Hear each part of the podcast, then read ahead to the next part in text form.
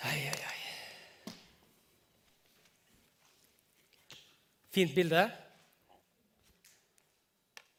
Det er tatt i Juvik i sommer. De som ikke har vært i Juvik, bør ta seg en tur dit. Fra Juvik camping. Familien vår campa der. Vi hadde en eh, ytre vestlandsreise fra Melhus eh, om Ålesund og Ytre Leia ned til Bergen. Og så på vei opp igjen så var vi inne i Sogn... Sogn eh, hva heter det? Sognefjorden, ja, var det vel sånn cirka, ja. En eller annen plass inne i Sogn. Det heter vel kanskje ikke Sogn nå. Ja, ja, Det er vanskelig med den fylkesinndelinga, men i alle fall en eller annen plass inni der, forbi Balestrand og litt sånn videre der, så fant vi en plass som heter Juvik. Så bakgrunnen for eh, prekena i dag, i hvert fall sånn bildemessig på veggen, det blir et bilde vi tok eh, en kveld på, fra campingplassen i Juvik camping. Det var flott, vet du. Men eh, eh, altså, det er så jazzy og så bra. For et band, altså, på lovsangen.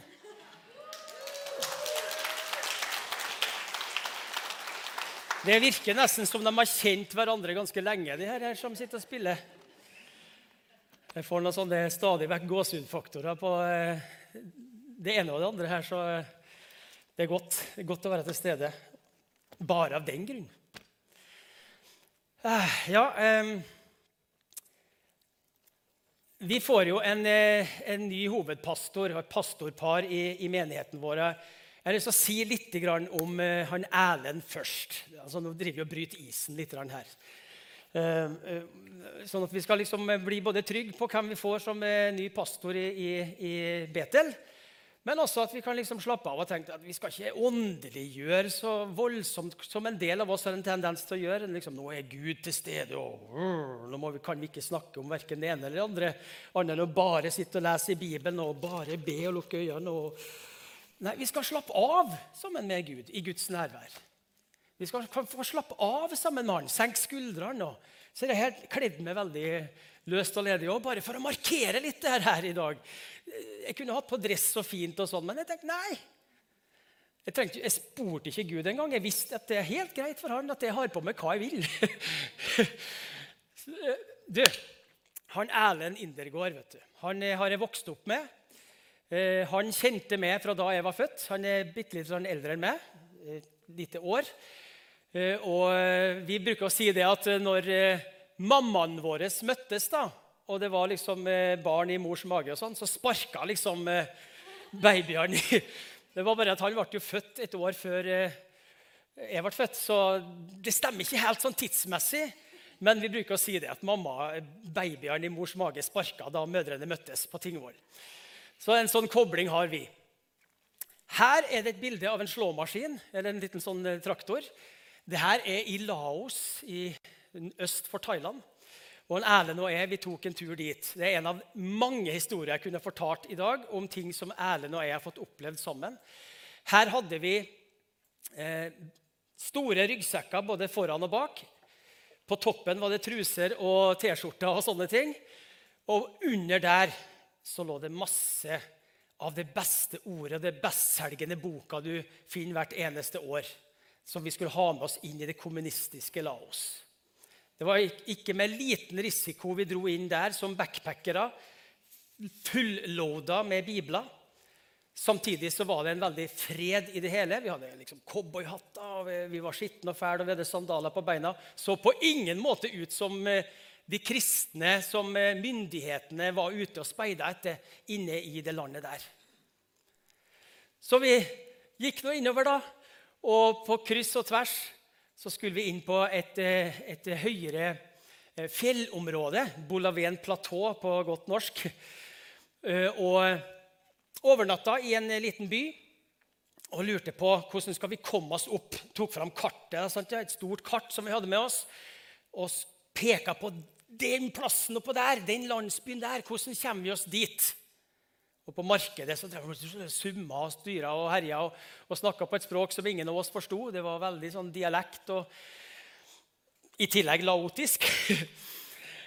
Så, så de liksom drev Kom eh, til naboene sine. Sant? Kom hit. og- De to der, de skal opp dit. Så viste de på kartet. Sant? Og hvordan kan de komme seg dit? Og så var det en som sa no problem, no problem, we have taxi, special taxi. Kom, kom, kom, stå her og vent her i køa. liksom. Her var det en liten kø da, ute midt iblant alt og ingenting. Høner og, og kjøttstykker og fisk som var råtten, og, og, og, masse leven og støy og motorsykler og alt mulig. Der var det en liten kø midt i det her. Og vi gikk nå dit og sto der og venta. Og prøvde å få litt kontakt med noen folk, og jeg kunne litt grann thai. Jeg kunne si 'sabaidi', 'sabaidi ba'. Det betyr 'hei, hvordan går det?' på laotisk. Så jeg kunne lite grann. Aha! Speak Laotian! De var happy. sant? Og så ja, 'Taxi coming! Soon!' Og vi sto jo og venta, og det kom jo ingen taxi. Ingen taxi, og vi sto kanskje to timer i hvert fall. Og der kom det en taxi. Det, der var taxien som kom. Satt en fyr sant, og humpa og spratt sant, på den her. Og 'Taxi, taxi! No problem! Take you! No problem, take you!' Vi skal ta det til den plassen på kartet. Og oppi der for vi, da. Og vi fant fort ut at eh, hvis ikke vi var veldig raske, så måtte vi jo sitte med en rumpeball på du ser, du ser, den stolpen bakerst på høyre hjørne der. Der satt vi da med en liksom, på, med, på halv rumpe da, på hver. Så han satt på ene, og jeg satt på andre. Og tro det eller ei, 19 voksne personer var det oppi den der tilhengeren der. Og ikke bare nok med det. altså Vi, vi syntes det her var fantastisk. Ta her er misjon, sa jeg til Erlend. vet du. Jeg bruker å si det, og han er enig. Alt som er litt spennende, alt som er nytt, alt som ikke går helt etter planer, og alt som går etter planer, det er misjon. Så det, liksom det, det hjelper oss gjennom alt. Og Vi satt oppi der vet du, og holdt på å gikk åt. og Etter en liten stund altså Vi humpa og spratt. så Du kan kjenne for deg den følelsen ingen mulighet til å bevege seg, for det var jo 19 personer oppi der, telte vi. Så ser vi ned i dørken etter en liten stund, og så hører vi liksom et eller annet et eller annet sånn dameskrik nedi der. Jeg er ikke så flink til å skrike som en dame. Et eller annet. Veldig smert, smerta, hørtes det ut som. Det var et eller annet hun plagdes med. og der dame så ei dame som lå under beina til alle sammen. Ikke bare er det helt vilt at eh, det ligger noen under beina. Det er, liksom, det er jo den skitneste plassen, og det er avsky for å peke på noen, bare. Hvis jeg gjør sånn på en stol og sitter og peker noe på Heidi her, så er det, så, så er det skamfull atferd. Altså. Jeg skal ikke peke på noen med beina. Jeg skal ikke bruke beina til å flytte en stol eller et bord hvis den står i veien. Nedi der. Men nå sitter vi altså og slenger beina over altså 19 par med bein over den dama som ligger i dørken der. Hva er det her? Så kikka vi litt imellom, da. og What problem, problem? Pain, pain. Har du vondt noen plass? Er det problem? spør vi dem andre. sant? Og så ser vi at hun er full av blod.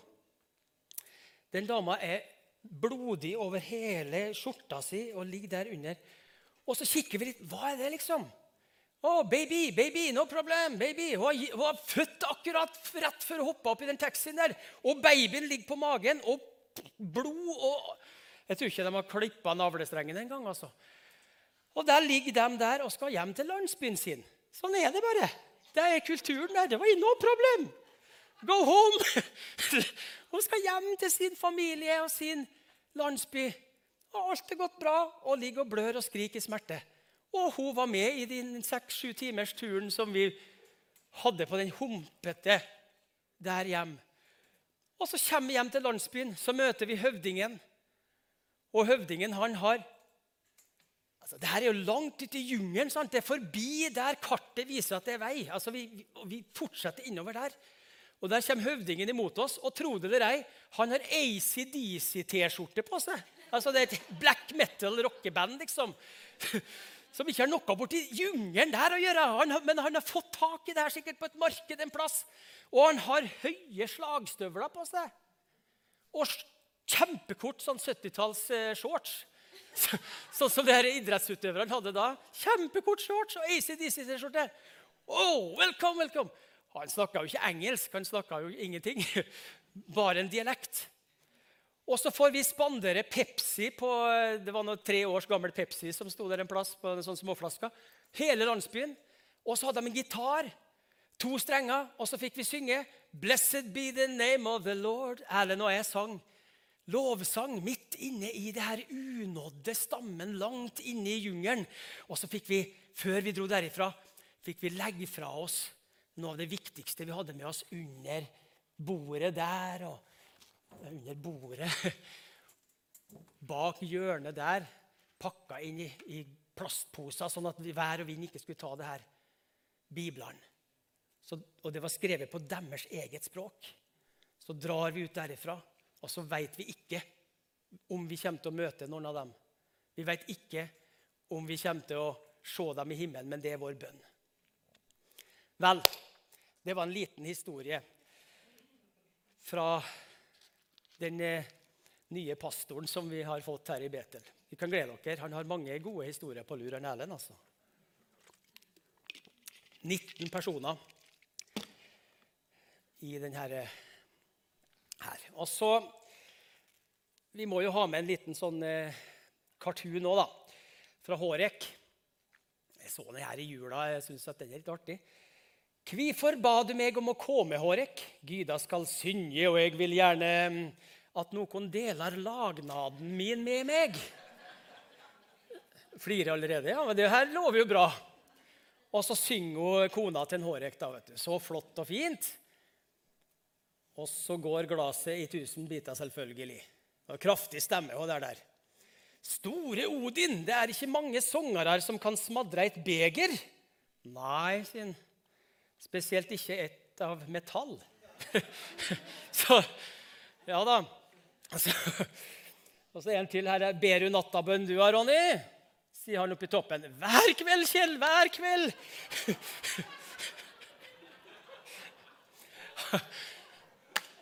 Jeg vet ikke hva det her har med temaet på prekena å gjøre, men jeg syns det er greit å ha litt latter òg. Ikke det?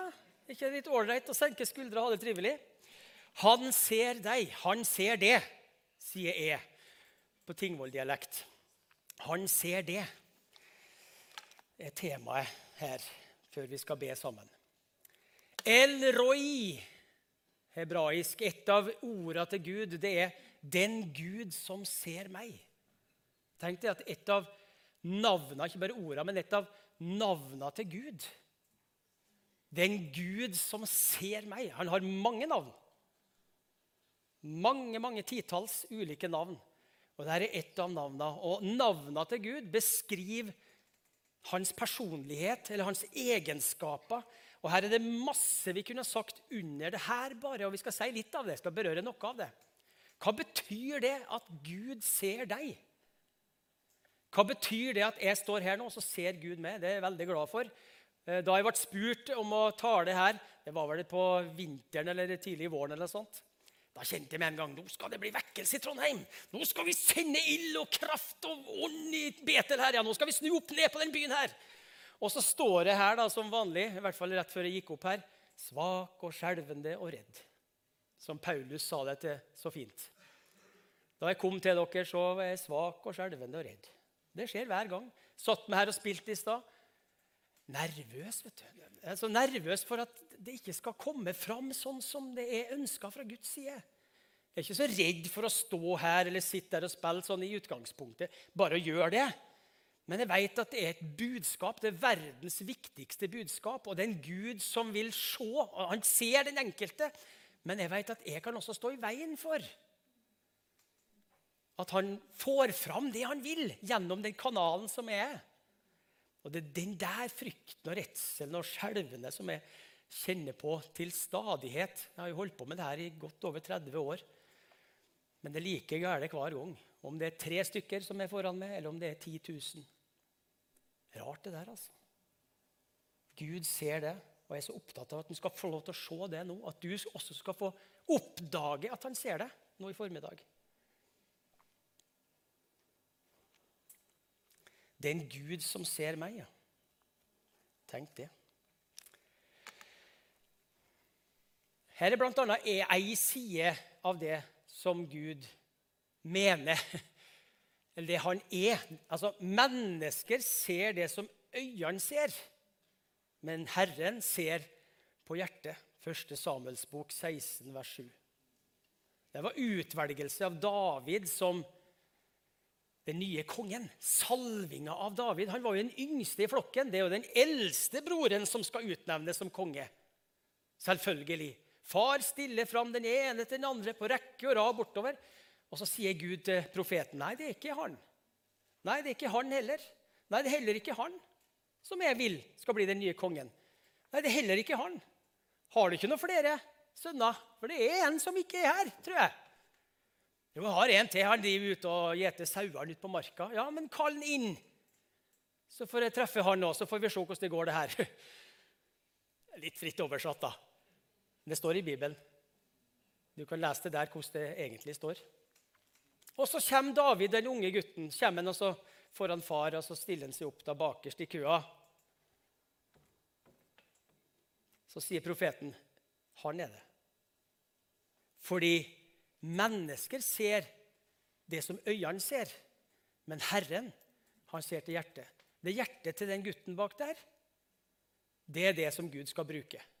Det er den holdninga som Gud vil bruke. Jeg har sett hans liv. Jeg har sett og hørt ordene hans.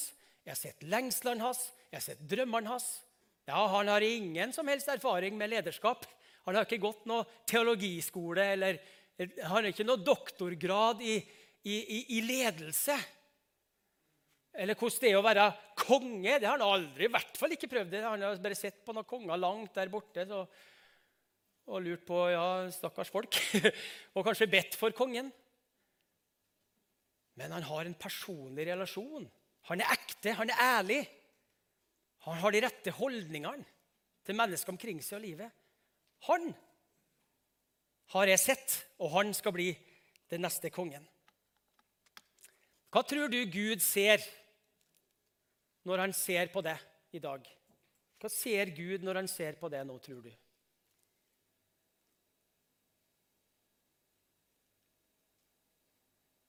Jeg skal ikke svare på det. Nå spurte jeg hva du tror. Du skal heller ikke rette opp handa og komme med svaret ditt. Det kan du holde for deg sjøl. Men hva tror du Gud ser hvis han ikke ser på det mennesker ser etter? Så må vi glemme det, i hvert fall. da. For det har du allerede fått hørt. Det er en del av svaret her. Hvorfor er det sånn at vi, når vi kommer på møte, så er det mange av oss og Jeg snakker ikke om bare oss her i Betel nå, men i kirka rundt omkring i verden. Vi legger fra oss skrapet vårt på utsida før vi går inn. Og så skal vi liksom eh, se pertentlig og flott og fin ut og glad ut og harmonisk ut. Og så når folk spør oss hvordan går det ja, halleluja, amen, det er bra. Jeg har sagt det mange ganger sjøl. Jeg har hatt det forferdelig.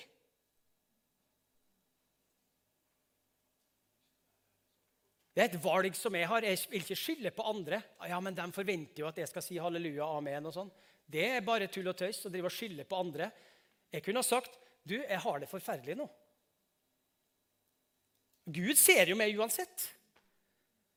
Hva er det vi vil prøve å oppnå, da? Vil vi at eh, vi skal steppe ned 15 hakk fordi at eh, det er viktigere hva mennesker ser etter, enn hva Gud ser etter? Det er viktigere å spille et skuespill sånn at folk blir fornøyd, enn å være ekte, sånn at Gud blir fornøyd. Altså, Gud er jo fornøyd, men håper du forstår hva jeg mener. Det er viktigere å leve ekte og åpent og ærlig for Gud. Og så får de mennesker mene hva de vil. da.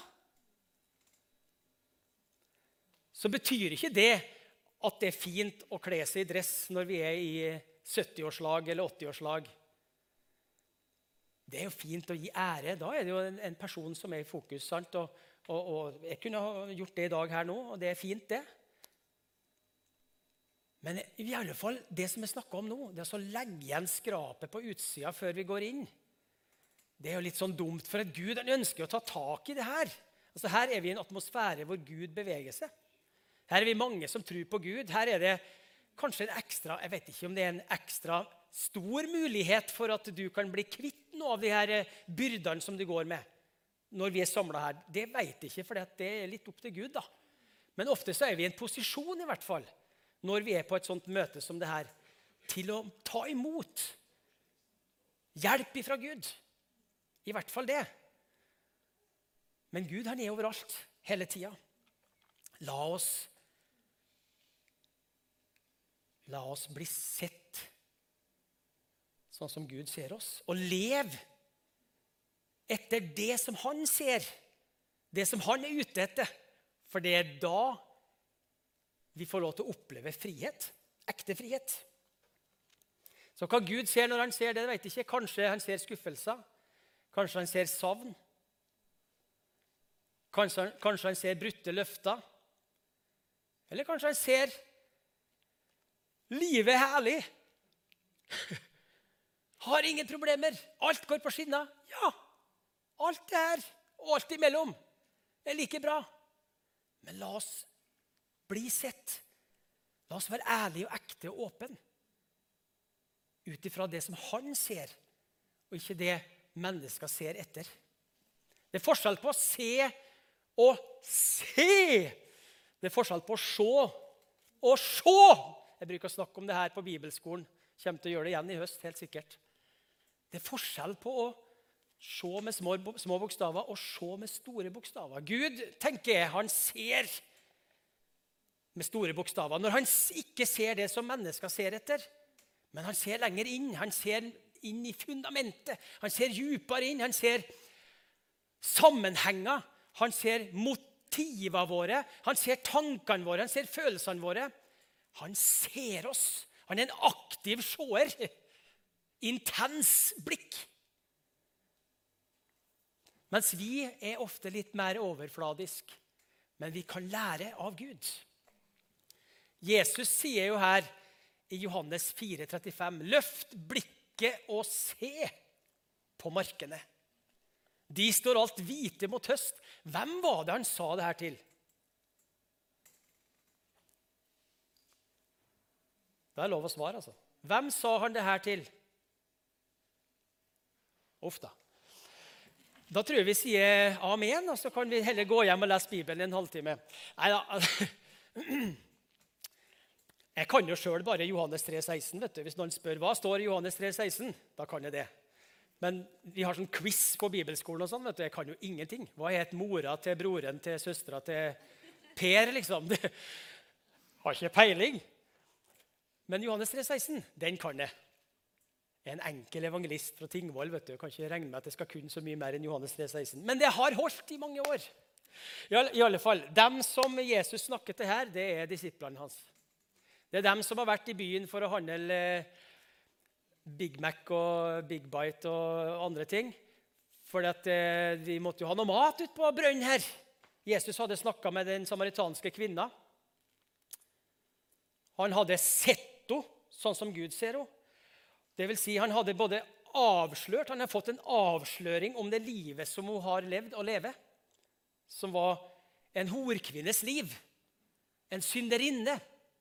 Ei som hadde hatt fem menn, og den mannen som hun har nå, er heller ikke hennes mann. Men fordi at han er Gud, fordi at han har Guds sinnelag, så reiser han henne opp ifra gjørma.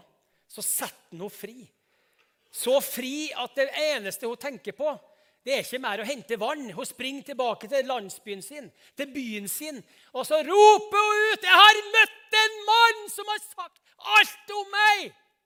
Kanskje han er Messias? Kanskje han er den Guds sønn som vi har venta på, folkens? Kanskje det er han som sitter ute med brønn? Kom og se! Og så blir jo den evangelisten, vet du, fra å være den som skjuler seg for alle, og, og, går ut og henter vann på en tid på dagen hvor ingen andre gjør det, for hun er så skamfull og så full av synd og elendighet og knusthet. Og nå er hun den som roper høyest av alle, og hele byen kommer ut for å møte Jesus. Og så sier Jesus, 'Løft blikket, kjære kompiser. Løft blikket, mine venner, og se dere er opptatt av mat og dere er opptatt av drikke. og dere er opptatt av Nå må folket få litt ro eh, rundt oss her, sånn at eh, du kan få tale litt. Og opptatt av alt mulig det som mennesker er opptatt av. Men Jesus han ser den kvinna, og han ser hver enkelt i den folkemassen som nå kommer ut mot brønn for å møte den. Så han sier, 'Løft blikket. Løft blikket og se.' Vi har ofte sånne kyllingblikk når vi går rundt omkring på gater og torg og på jobben og sånn kylling, kyllingvisjon. vet du. Vi, vi, har liksom vår sfære. Det er meg og mitt og mine. Det er min familie og det er mitt liv. og Hva er framtida mi og mine planer? og Hvor skal jeg få penger? Hvor skal jeg få jobb? og Hvor skal vi få det bra? Hvor skal vi på ferie? Og lista er lang. Mens han har ørnevisjon. Han løfter blikket, og så ser han utover. Og så har han bare gode tanker med hver enkelt av de han da ser. Løft blikket og se. De hadde ikke peiling, de disiplene i historien her. At hver enkelt av dem som kom ut fra den byen, ut til brønn, på den varmeste, varmeste tida på dagen, de kom jo ut for å møte Jesus. Disiplene de var opptatt av alt mulig annet. Men Jesus sier de er moden. De vil møte Gud. De har behov. Vi må dekke de behovene. Løft blikket og se sånn som han ser. Her står det i Matteus 9, 35, 36. Da han så folkemengdene, fikk han inderlig medfølelse med dem, for de var forkomne og hjelpeløse som sauer uten gjeter. Og Jeg legger trykket her når jeg snakker nå, si det en gang til, på ett ord. Da han så folkemengdene. Hva ser du? Her var det mye folk. Hva ser du når du ser et massivt publikum på konsert, festival? Jeg har begynt å åpne litt etter hvert igjen til å få samle litt flere folk. Når du ser det bildet her, hva ser du da? Jeg ser masse folk. Her var det fullt, her var det trangt. Hva med korona? Jeg har masse sånne spørsmål. Hva ser du når du ser det her?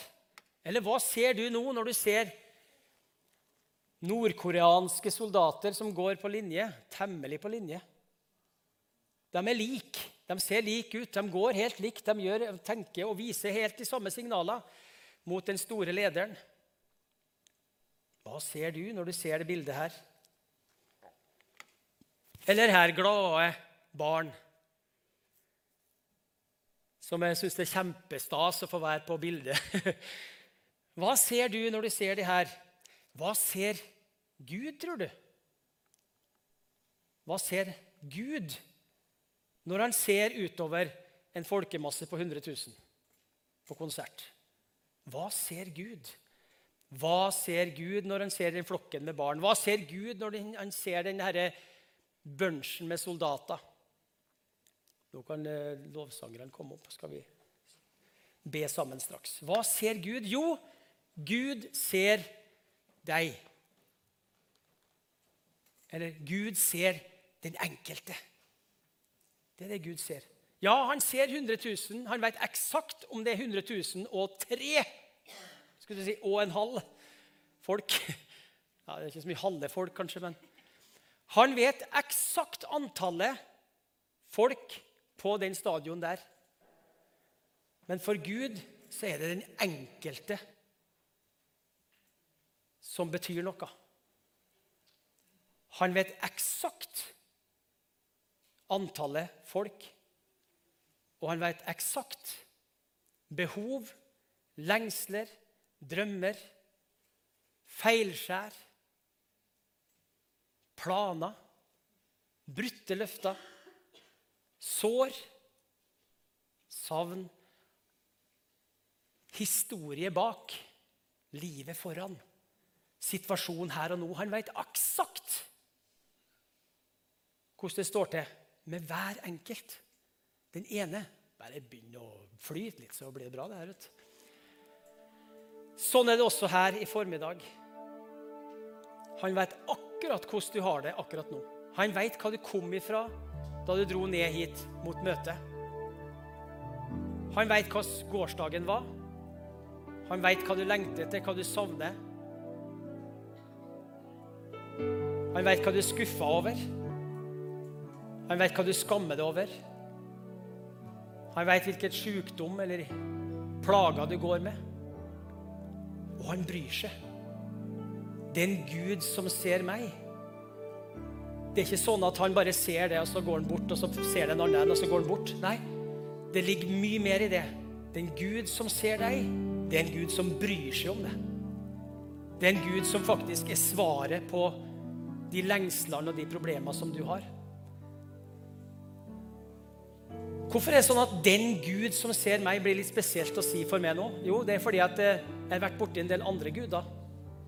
Jeg har ikke funnet en annen Gud som ser meg. TV-en, media, penger, posisjon, jobb, person. Kona mi ser meg. Kan bli en gud, hun òg. Den som får makt i oss, i våre liv. Det som så, blir så viktig for oss at vi er villige til å gjøre hva som helst. For å bruke tid med, eller fokus på, kan bli en gud. Ingen Jeg har vært borti andre guder i andre religioner. Ingen gud i ingen religion opplever ser virkelig med stor S og stor E og stor R, sånn som den Gud som vi har, og som er til stede her nå. Jeg har lyst til å be for det i det vi skal synge sammen nå. Jeg vet at det er minst én i det rommet her som eh, skulle ha det budskapet her i dag nå. Sånn har jeg lært Gud å kjenne etter over 30 år i forkynnelse og oppdrag på misjon. At Når jeg får et budskap jeg skal dele, så vet jeg at da er det minst til én. Det var ikke sånn Hva skal vi snakke om i dag? Nei, det var aldri sånn. Jeg vil aldri at det skal være sånn heller. Jeg vil at det skal være hver eneste gang jeg synger en sang. Jeg valgte sangen i dag fordi jeg tror at det er minst én som skulle ha den sangen akkurat nå. Jeg valgte å dele det som jeg delte nå, for jeg tror at det er minst én i det rommet her som, skulle, som trengte akkurat nå. Trengte å høre 'Gud ser det'. Du er ikke alene.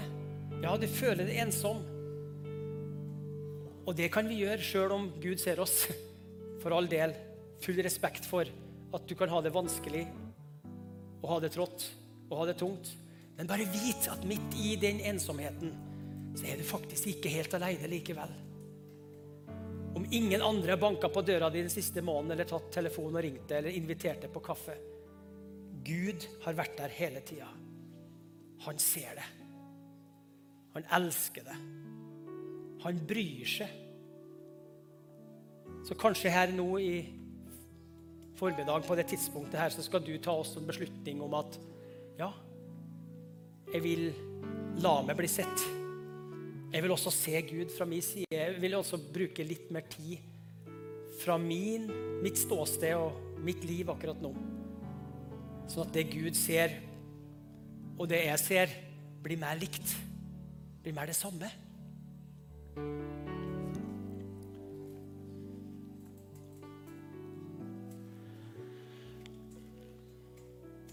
Skal vi be sammen? Herre, jeg takker deg for at du er en Gud som ser. Takk for at du bryr deg. Ja, takk for at du viste jo det ultimat da du sendte din sønn Jesus Kristus til jorda for å dø for enhver av oss, en gang for alle. Du tok Jesus, du tok på deg vår synd. Du tok på deg vår sykdom. Du tok på deg vår smerte. Da du ble en smertenes mann, vel kjent med sykdom. Vi trodde du var blitt ramma, slått av Gud og plaga. Men du ble såra for våre overtredelser. Du ble knust for våre misgjerninger. Straffen ble lagt på deg, Jesus, for at vi skulle ha fred. Og ved dine sår har vi fått legedom. Takk, Herre, at du ikke bare ser, og så stikker du av. Nei, du ser, og så gjør du noe med det du ser. Du har frelst oss. Du døde for oss. Du leger oss. Du utfrir oss. Du fyller med nytt liv. Du setter oss i frihet, så vi kan leve i sannhet og ærlighet og ekthet. Og bli hele mennesker. Takk for det, Jesus. Mens vi nå lukker øynene, så har jeg lyst til å be om Du som vil bli bedt for skal ikke ta noen folk fram her, og sånn, og det er tid som vi ikke kan gjøre det på. Det er ikke så lurt. Men du som ønsker å bli tatt med i en bønn her nå. Du har sykdom, du sliter med et eller annet som du ønsker at Jeg skal være med og be en sånn felles bønn over akkurat nå. Kan ikke du rette opp hånda di? Gud velsigne det. Gud velsigne dere. Gud velsigne dere der. Baki der. Var noen oppå her òg? Gud velsigne deg. Ja. Gud velsigne dere. Herre, jeg takker deg for at du har sett hver enkelt. Du har sett hver enkelt, Herre. Jeg priser deg for det. Og du elsker hver enkelt så høyt. Nå ber jeg om at du skal møte den enkelte som ga et signal på ja, vær så snill, be for meg. Møt dem på en spesiell måte, Herre. Midt i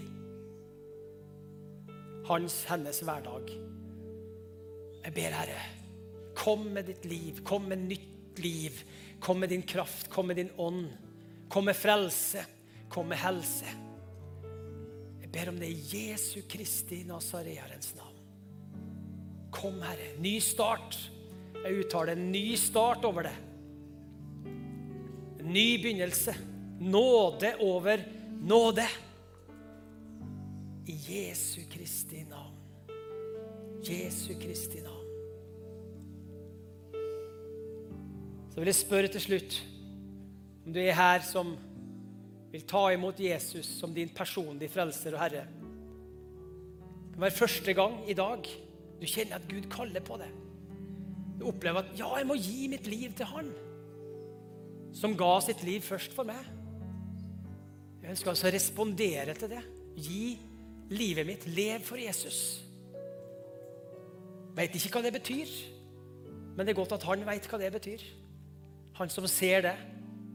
Det kan være første gang i ditt liv at du sier noe Ja, jeg vil ta imot Jesus som min frelser og herre. Eller du har kommet på avstand nå. Gud føler seg langt borte. Du ønsker å komme tilbake til han. Han har vært der hele tida. Men du har tatt noen omveier. Du trenger å komme tilbake til han og få bekrefta ja, jeg vil høre Jesus til. Jeg vil falle tilbake på han. Jeg har vært frafallen og vil falle tilbake. Skal du rette opp handa di, så tar du jo ned igjen etterpå.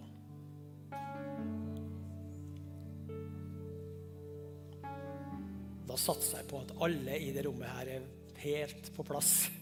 Ikke noe som er bedre enn det.